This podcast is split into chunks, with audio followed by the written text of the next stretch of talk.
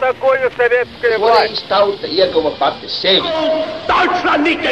Liktenīgas nejaušības un slēptas likumsakarības, subjektīvas patiesības un objektīvi aizspriedumi. Pēc atkušņa nekad nenāk uzreiz pavasars, bet sākās Arī šodien cilvēki ir ļoti tūredzīgi. Viņi redz to naudu, kas ir. Televīzijā jau pamatā notiek cīņa par varu. Pagātne no šodienas skatu punkta un šodienas caur pagātnes prizmu. Raidījumā šīs dienas acīm. Katru svētdienu Latvijas radio eterā Eduards Liniņš. Labdien, cienījamie klausītāji! Šī gada 27. oktobrī Latvijas okupācijas muzejā notika seminārs Pagātne, tagadne mēs, kas bija veltīts mūsu totalitārās pagātnes un šodienas sabiedrības dzīves saskares punktiem. Semināra priekšlasījumu daļai sekoja paneļdiskusija, kuru bija uzticēts vadīt man. Šodien šīs diskusijas saīsinātu variantu piedāvāju jūsu uzmanībai.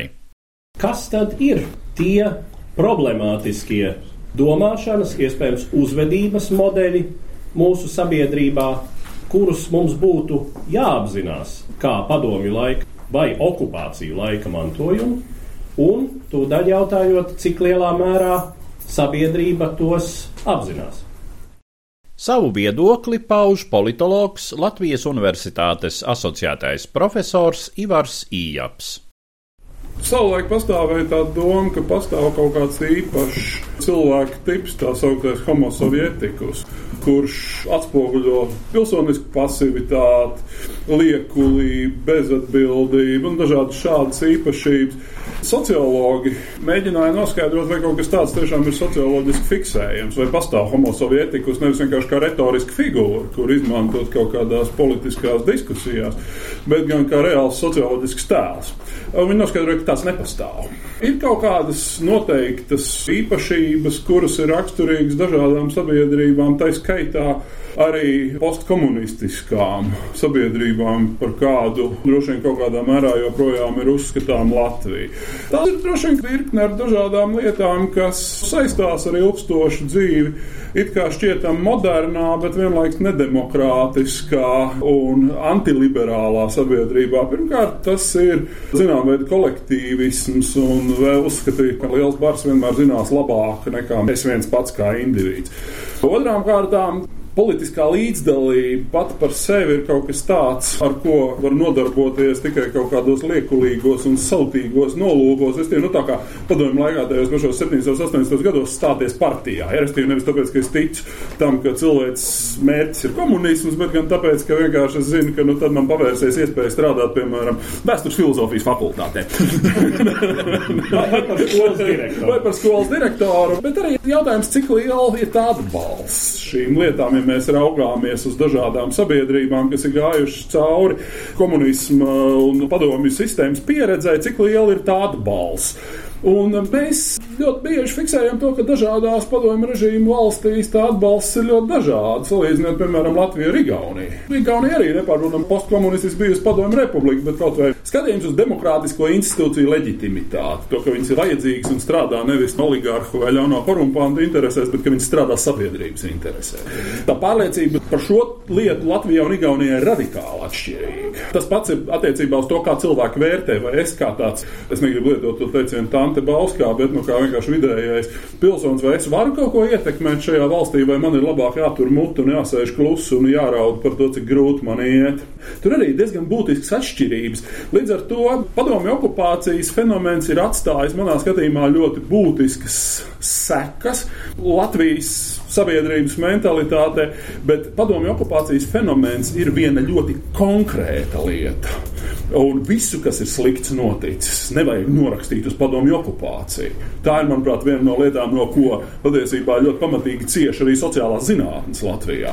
Padomju okupācija ir briesmīga, bet tā ir konkrēta lieta. Mums nevajag teikt, ka viss, kas notiek slikts, ir tāpēc, ka mēs esam bijuši zem PSRS. Ir vesela virkne ar dažādiem citiem faktoriem, kas ietekmē to, ka mums ir slikti. Un kuros ir krietni mazāk varbūt vainojams PSRS, cik tur ir vainojami, piemēram, dažādi stihiski procesi 90. gados, kaut kādas ilgākas savukārt vēsturiskas perspektīvas. Tā kā tajā ziņā mums, man liekas, ir jābūt uzmanīgiem attiecībā uz to, ko mēs tiešām norakstām uz okupāciju un to, ko mēs attiecinām uz citiem dažādiem sociāliem cēloņiem. Un nu sociologa Latvijas Universitātes pētnieka Mārtiņa Kaprāna viedoklis. Es vienīgi būtu apšaubījuši nedaudz jautājumu uzstādījumu tādēļ, ka, manuprāt, pareizāk runāt nevis par padomu mantojumu. Mēs vairs neviens nedzīvojam ar padomu mantojumu. Mēs objektīvi nevaram dzīvot ar padomu mantojumu, jo tas mantojums samiksējies kopā ar pašreizējo pieredzi, ar pašreizējiem uzvedības modeļiem. Un tur ir tāds hibrīds izveidojies, ka bieži vien nošķir, kurā brīdī jūsu uzvedība ir rietumnieciski, demokrātiskai valstī raksturīga, un kurā brīdī viņa pārlec un ir padomju režīmam raksturīga vai padomju praksēm, ir jau pavisam grūti un drīzāk analītiski jēdzīga, bet tādā prakses līmenī vairs nevar nošķirt to. Vēsturnieks Latvijas Universitātes docents Mārtiņš Mintaurs.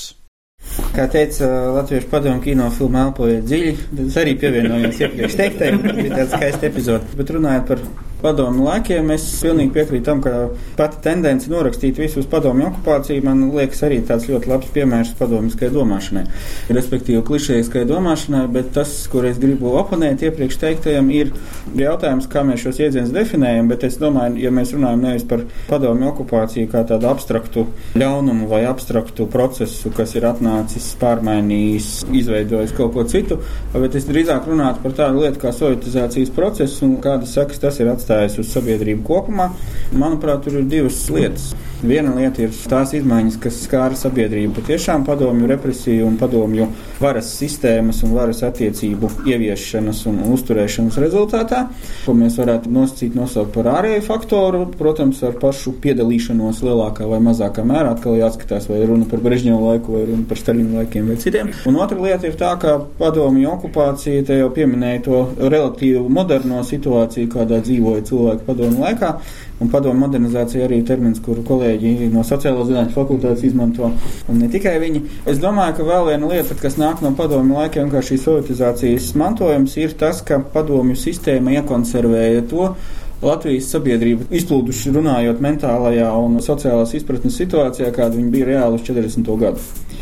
Un šis konservējušais efekts, manuprāt, ir mazāk pamanīts, mazāk novērots, mazāk likts kontekstā ar visu padomju okupāciju, skatot to tikai kā ārēju spēku, kas atnāk un kaut ko pārmaina, ļoti vienkāršot runājot.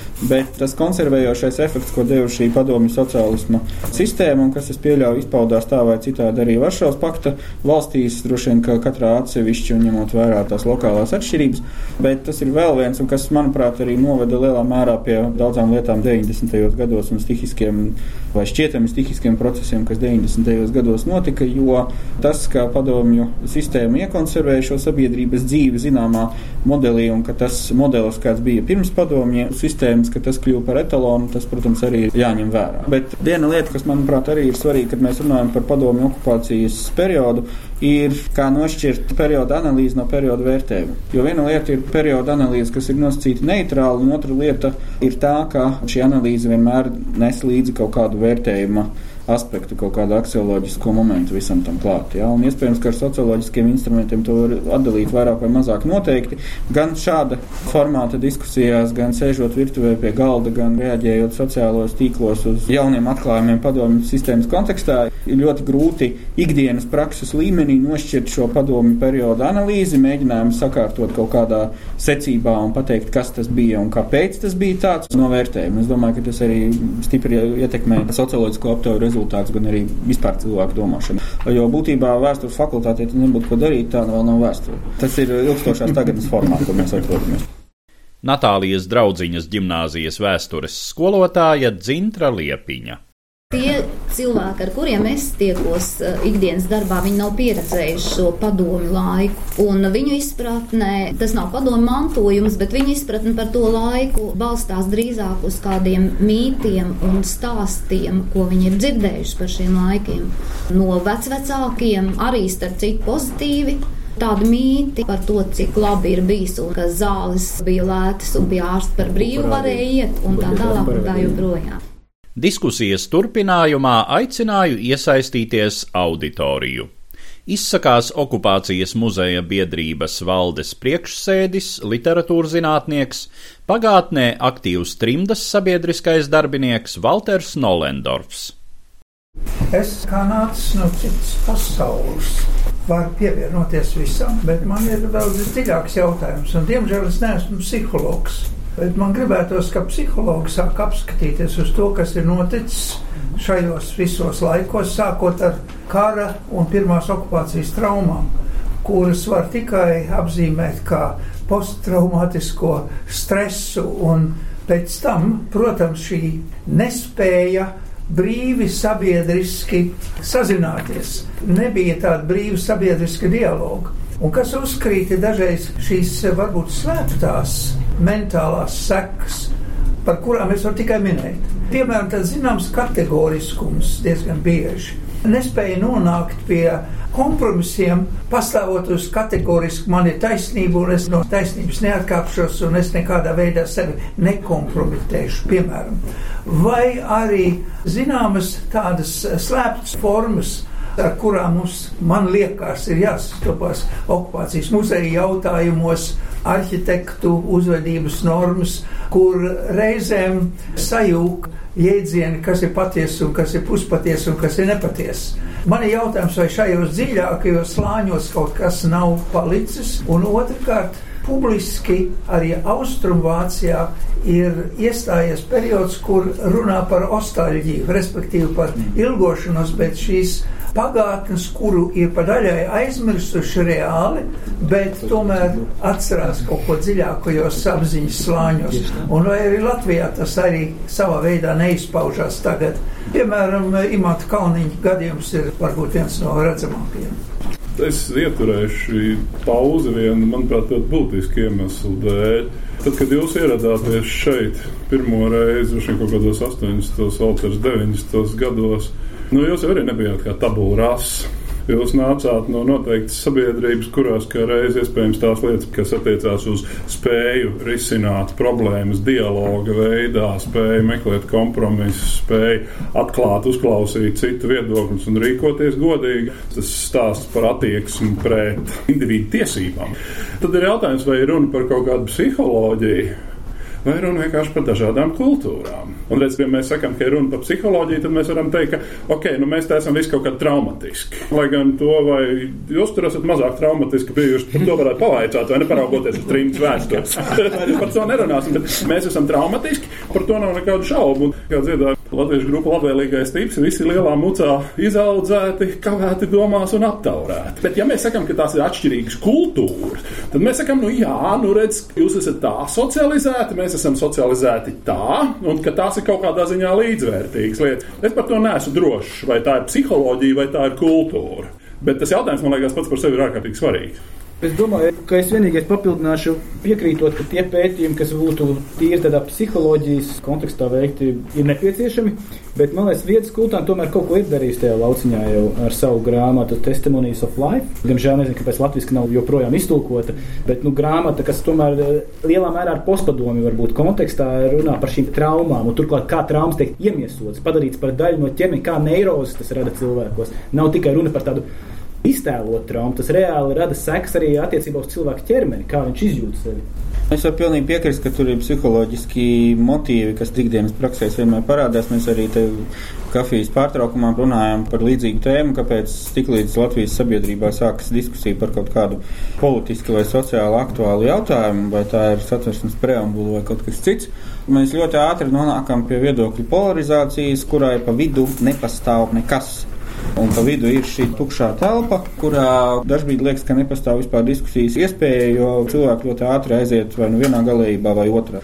Vai mēs esam traumēti vai neesam traumēti, es domāju, ka tā arī ir diskusija, kas sākās kaut kad 90. gados, kad joprojām vēl sabiedrības daļā bija kaut kāda piesardzīga attieksme pret vienu vai pret otru tautiešu daļu, kas arī ir kaut kādā mērā ievilkusies un kas ir būtībā mantojums no tā paša 20. gadsimta sašķeltās nācijas sindroma, kas arī nav pārvarēts līdz galam.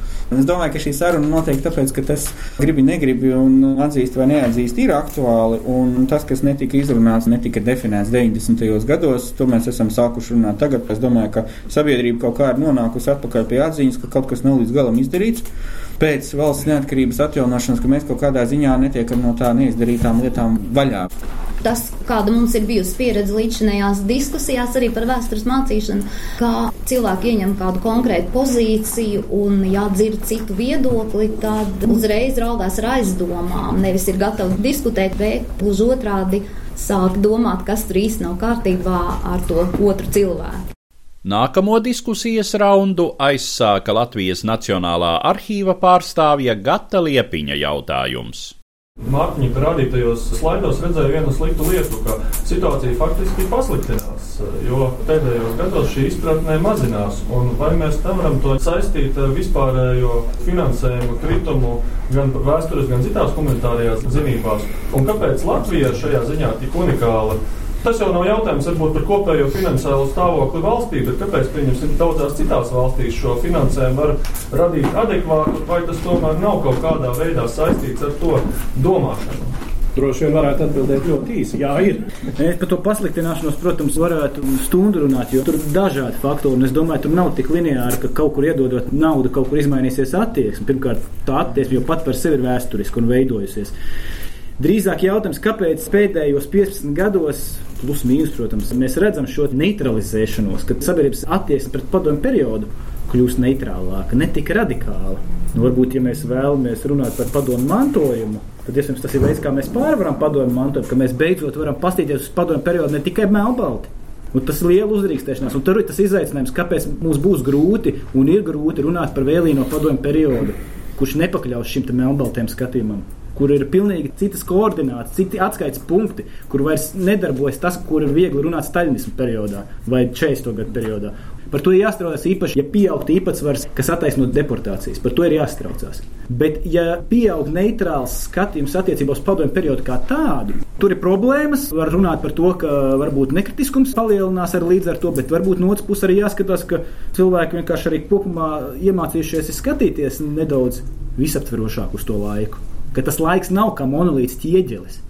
Es domāju, ka par šo staļinismu periodu vairāk vai mazāk sabiedrībā ir izveidojies priekšstats, nerunājot par to, cik tas ir klišejisks vai ne, kā par kopumu. Bet vienkārši tas, ko Mārtiņš arī teica, ka ir pienācis laiks sākt runāt par to, kas ir pēc 53. gada, visas 60. gadu fluktuācijas un norises arī 70. un 80. gadu. Ja mēs paši nerunāsim, mēs jau pašlaik iekrītam Krievijas diskursā veidotajā par Brežņevu un par 80. gadiem. Mēs jau iekrītam tagad, jo tāpēc, ka mēs paši neveidojam savu diskursu. Un tad nāks tāds Pavloviča grāmatas ārā un tam līdzīgi brīnumi. Mēs paši neveidojam diskursu par šo laiku, kas ir jādara un uzreiz. Vai arī atvērsies kaut kādi privātie muzeji, kas sāks taisīt šos nostalģiskos stāstus stāstus visāds augšā. Un tas, par ko nu pat runāja Mārtiņš un Mārtiņš, tur gan finansējuma un tajā skaitā politisku izšķiršanos finansējuma ziņā Es domāju, ka nevajag pārspīlēt izteikti kognitīvās pieejas lomu, veidojot vai veicinot diskusiju par problemātiskiem vēstures posmiem. Mums joprojām mākslas valodā ir vakums, Mums vēl filma pirmā nav tapusi par deportācijām, mākslas filma. Kairišs tūlīt kaut kad uztaisīs Elānijas kronikas. Leišiem jau ir filmas par vēlīno padomu periodu. Igauniem arī ir nu, tādas dažādas, varbūt dokumentālās vairāk, bet arī mākslas. Bet mēs paši nemēģinām caur mākslas valodu, kas ir pats vieglākais veids, kā runāt par problemātiskiem jautājumiem, caur mākslas valodu. Arī ja caur muzeja valodu, bet ļoti svarīgi ir caur mākslas valodu par to runāt pirmā mākslas filma, kuras sižetā parādījās deportācija, ir zīmēšana uz jāra laptiņa. Neratnieks. Nu, ilgāks tieši kāpās, labi, tā ir atsevišķa kategorija. Bet, turpinot to, ko Mārtiņš arī teica, ja runa par investīcijām, par to, kas būtu jādod, mēs visi esam klāt un redzam, ko dara okupācijas muzejs. Domāju, ka savu artavu noteikti dos arī Nacionālais vēstures muzejs tik tālu, cik tas atbilst muzeja misijai, jo neaizmirsīsim, ka ir vēl tāda lieta kā muzeja misija, kas ir ne tikai formāls dokuments, bet kas izsaka institūcijas jēgu. Bet, ja runa par investīcijām, tad vajadzētu iesniegt priekšlikumu atbildīgajām iestādēm par to, ka beidzot vajadzētu padomu periodu mākslas muzeju padarīt sabiedrībai pieejamu, jo es vēl piedaru pie tās demografiskās kohortes, kura bērnībā redzēja izstādi arsenālā par padomju mākslu. Tas bija 88. vai 89. Mm. gadā, kas bija pirmais Stalina laika mākslas izstāde, un kas, es domāju, atstāja tajā laikā pietiekami lielu un ļoti tēlainu un uzskatām priekšstatu un iespēju uz publiku. Tikai var pievienoties tam, ka jāizmanto arī iespējas šo padomu periodu parādīt, nevis atkal sajūsminoties par mākslas darbu kvalitāti vai kādām stilistiskām lietām, bet izmantot šo mākslas panorāmu kā iespēju nokļūt tajā laika mašīnā, padomu laika sistēmā. Jo citādi mēs nonākam pie situācijas, ka, protams, mums ir divas, trīs padomju mākslas filmas, kuras joprojām cirkulē apritē noteiktos datumos jaunā gadā un vēl kaut kad, jā, kad viss padomju laiks kondensējās uz kaut kādiem, starp citu arī Brežņeva laika, Brežņeva laika klasisko mm. padomju kinematogrāfu. Katru jaungadu mēs barojamies ar Brežņeva laika tādu sentimentu, kas ir no vieglu garu filmas, kas ir 75. gada filma ar visu to stabilitātes un romantikas sajūtu. Iebildīsim tam laikam sociāli kritiska filma, bet uh, no otras puses tiem, kuri nav to laiku piedzīvojuši, tas ir ļoti skaists, sentimentāls un pamatā attiecību stāsts. Bet nopietnāk atkal runājot par šo nostalģijas tēmu, ko Nolendorf kungs pieminēja, kur ir tās būtiskās saknes, kur ir tie motīvi sabiedrībā, kas baro šo izjūtu? Tas ir, liekas, ļoti labs jautājums, un tur mēs patiešām varam skatīties uz visām tām zemēm, kurās tā ostāģija ir publiski pieņemamāka nekā pie mums. Tāpēc es neesmu īsti drošs, ka kaut kāds jauns diskurss par Brežņeva laiku šī brīža Latvijā ir iespējams. Tāpēc, ka man liekas, ka atšķirībā no Vintora Mārtiņa pieminētajiem lietuviešiem, Nigauņiem, es nedomāju, ka latvieši ir gatavi padomju pieredzes relativizēšanai un pateikt, ka tur ne viss bija pilnīgi slikti, jo, nu, principā jau tas to nozīmē. Bet Kas ir pamats tai nostalģijai? Pirmkārt, tāda absolūta sociāla drošība, respektīvi, nu, ka visi ir nabagi, bet ka nevienu nevar izlikt no dzīvokļa. Viņam ir viena istaba, bet pat ja viņš sēž sešus gadus cietumā, viņam to istabu nevar atņemt. Tāpēc, ka viņi, viņam pierakstīta padomi tipa sociālais taisnīgums.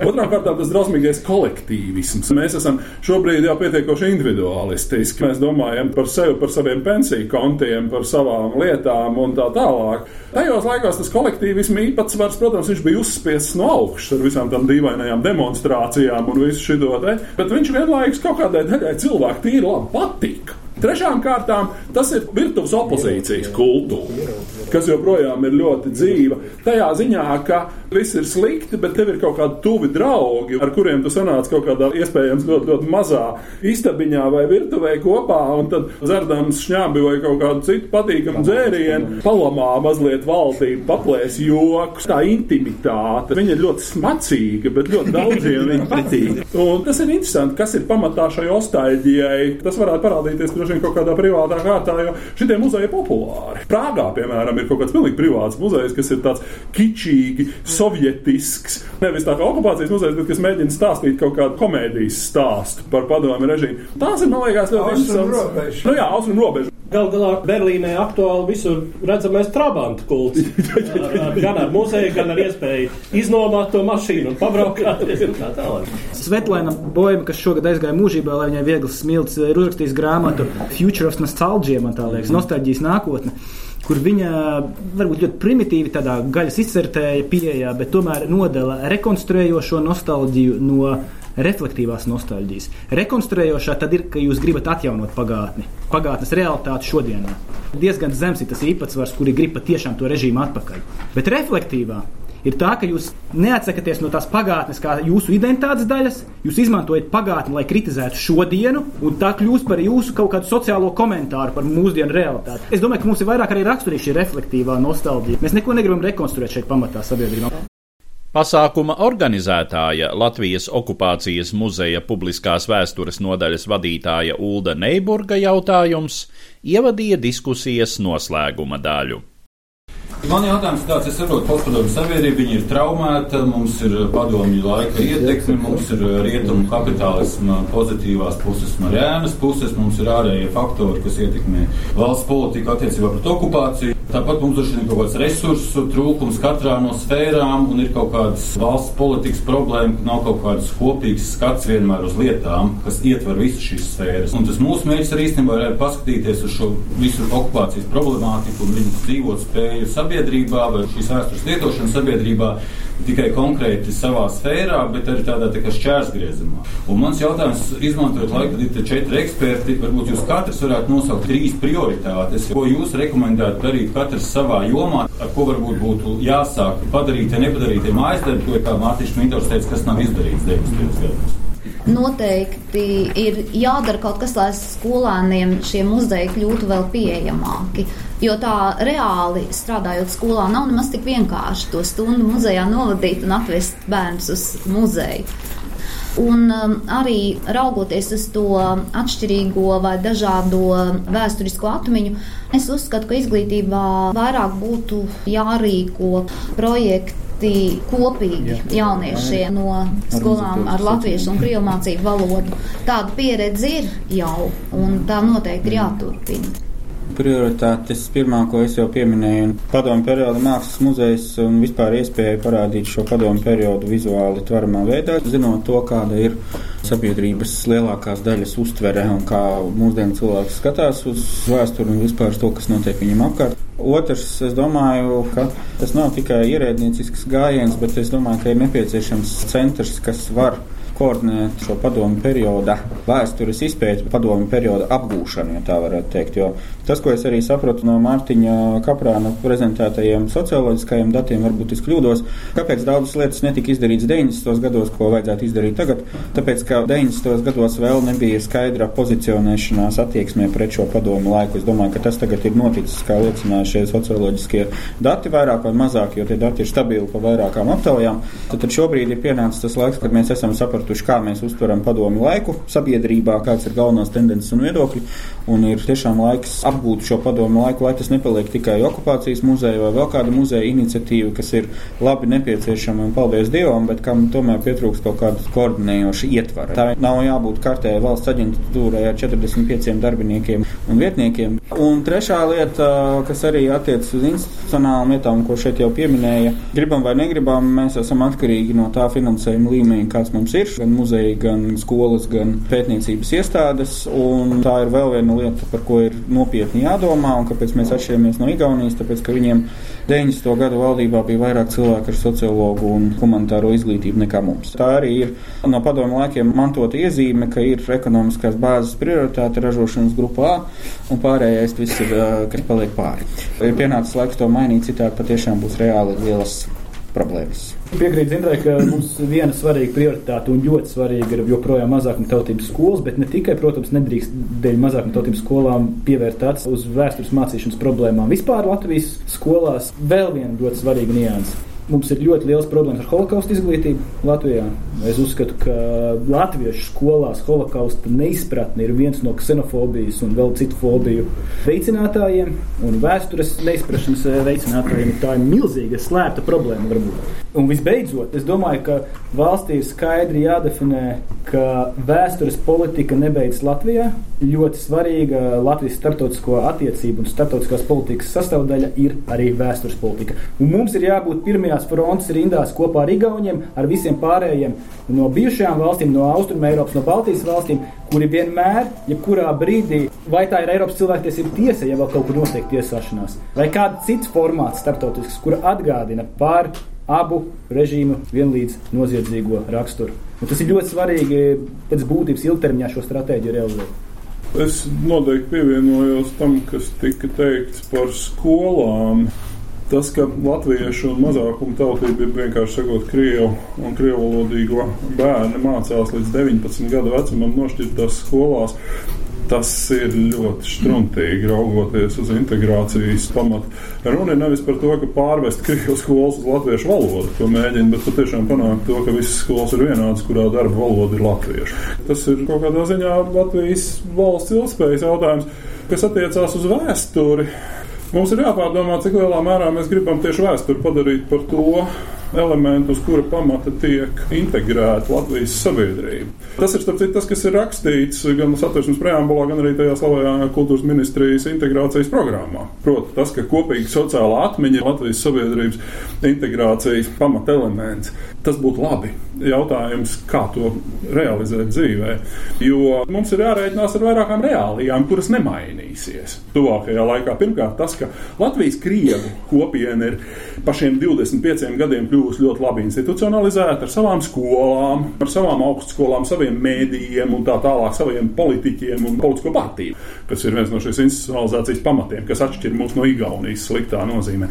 Otra lieta ir, ja jūs paskatāties uz Krievijas federāciju, mūsu draudzīgo lielo kaimiņu, jūs redzat, ka tur nekādas pozitīvas izmaiņas tuvākajā laikā nebūs gaidāms, un viss šie stāsti par Baltijas fašismu un par 9. māju, tas viss tikai turpināsies. Tad ir jautājums, no kurienes mēs gaidām tās pozitīvās izmaiņas. Es domāju, ka drīzāk šobrīd ir jādomā par to, lai mēs paliekam uz šī status quo, kur mēs šā vai tā, bet nu kaut kā mācāmies sadzīvot ar tām dažādajām atmiņām šeit kopā, vienlaikus saglabājot Latviju kā pro-eiropeisku, nacionālu, demokrātisku valsti. Mēs varētu sākt ar mazumiņu. Mēs varētu sākt sabiedrībā tomēr nostiprināt domu, ka 13. gadsimtā nav notikusi okupācija. okupācija. krustneši gluži neokupēja Latviju uz nākamajiem 700 gadiem.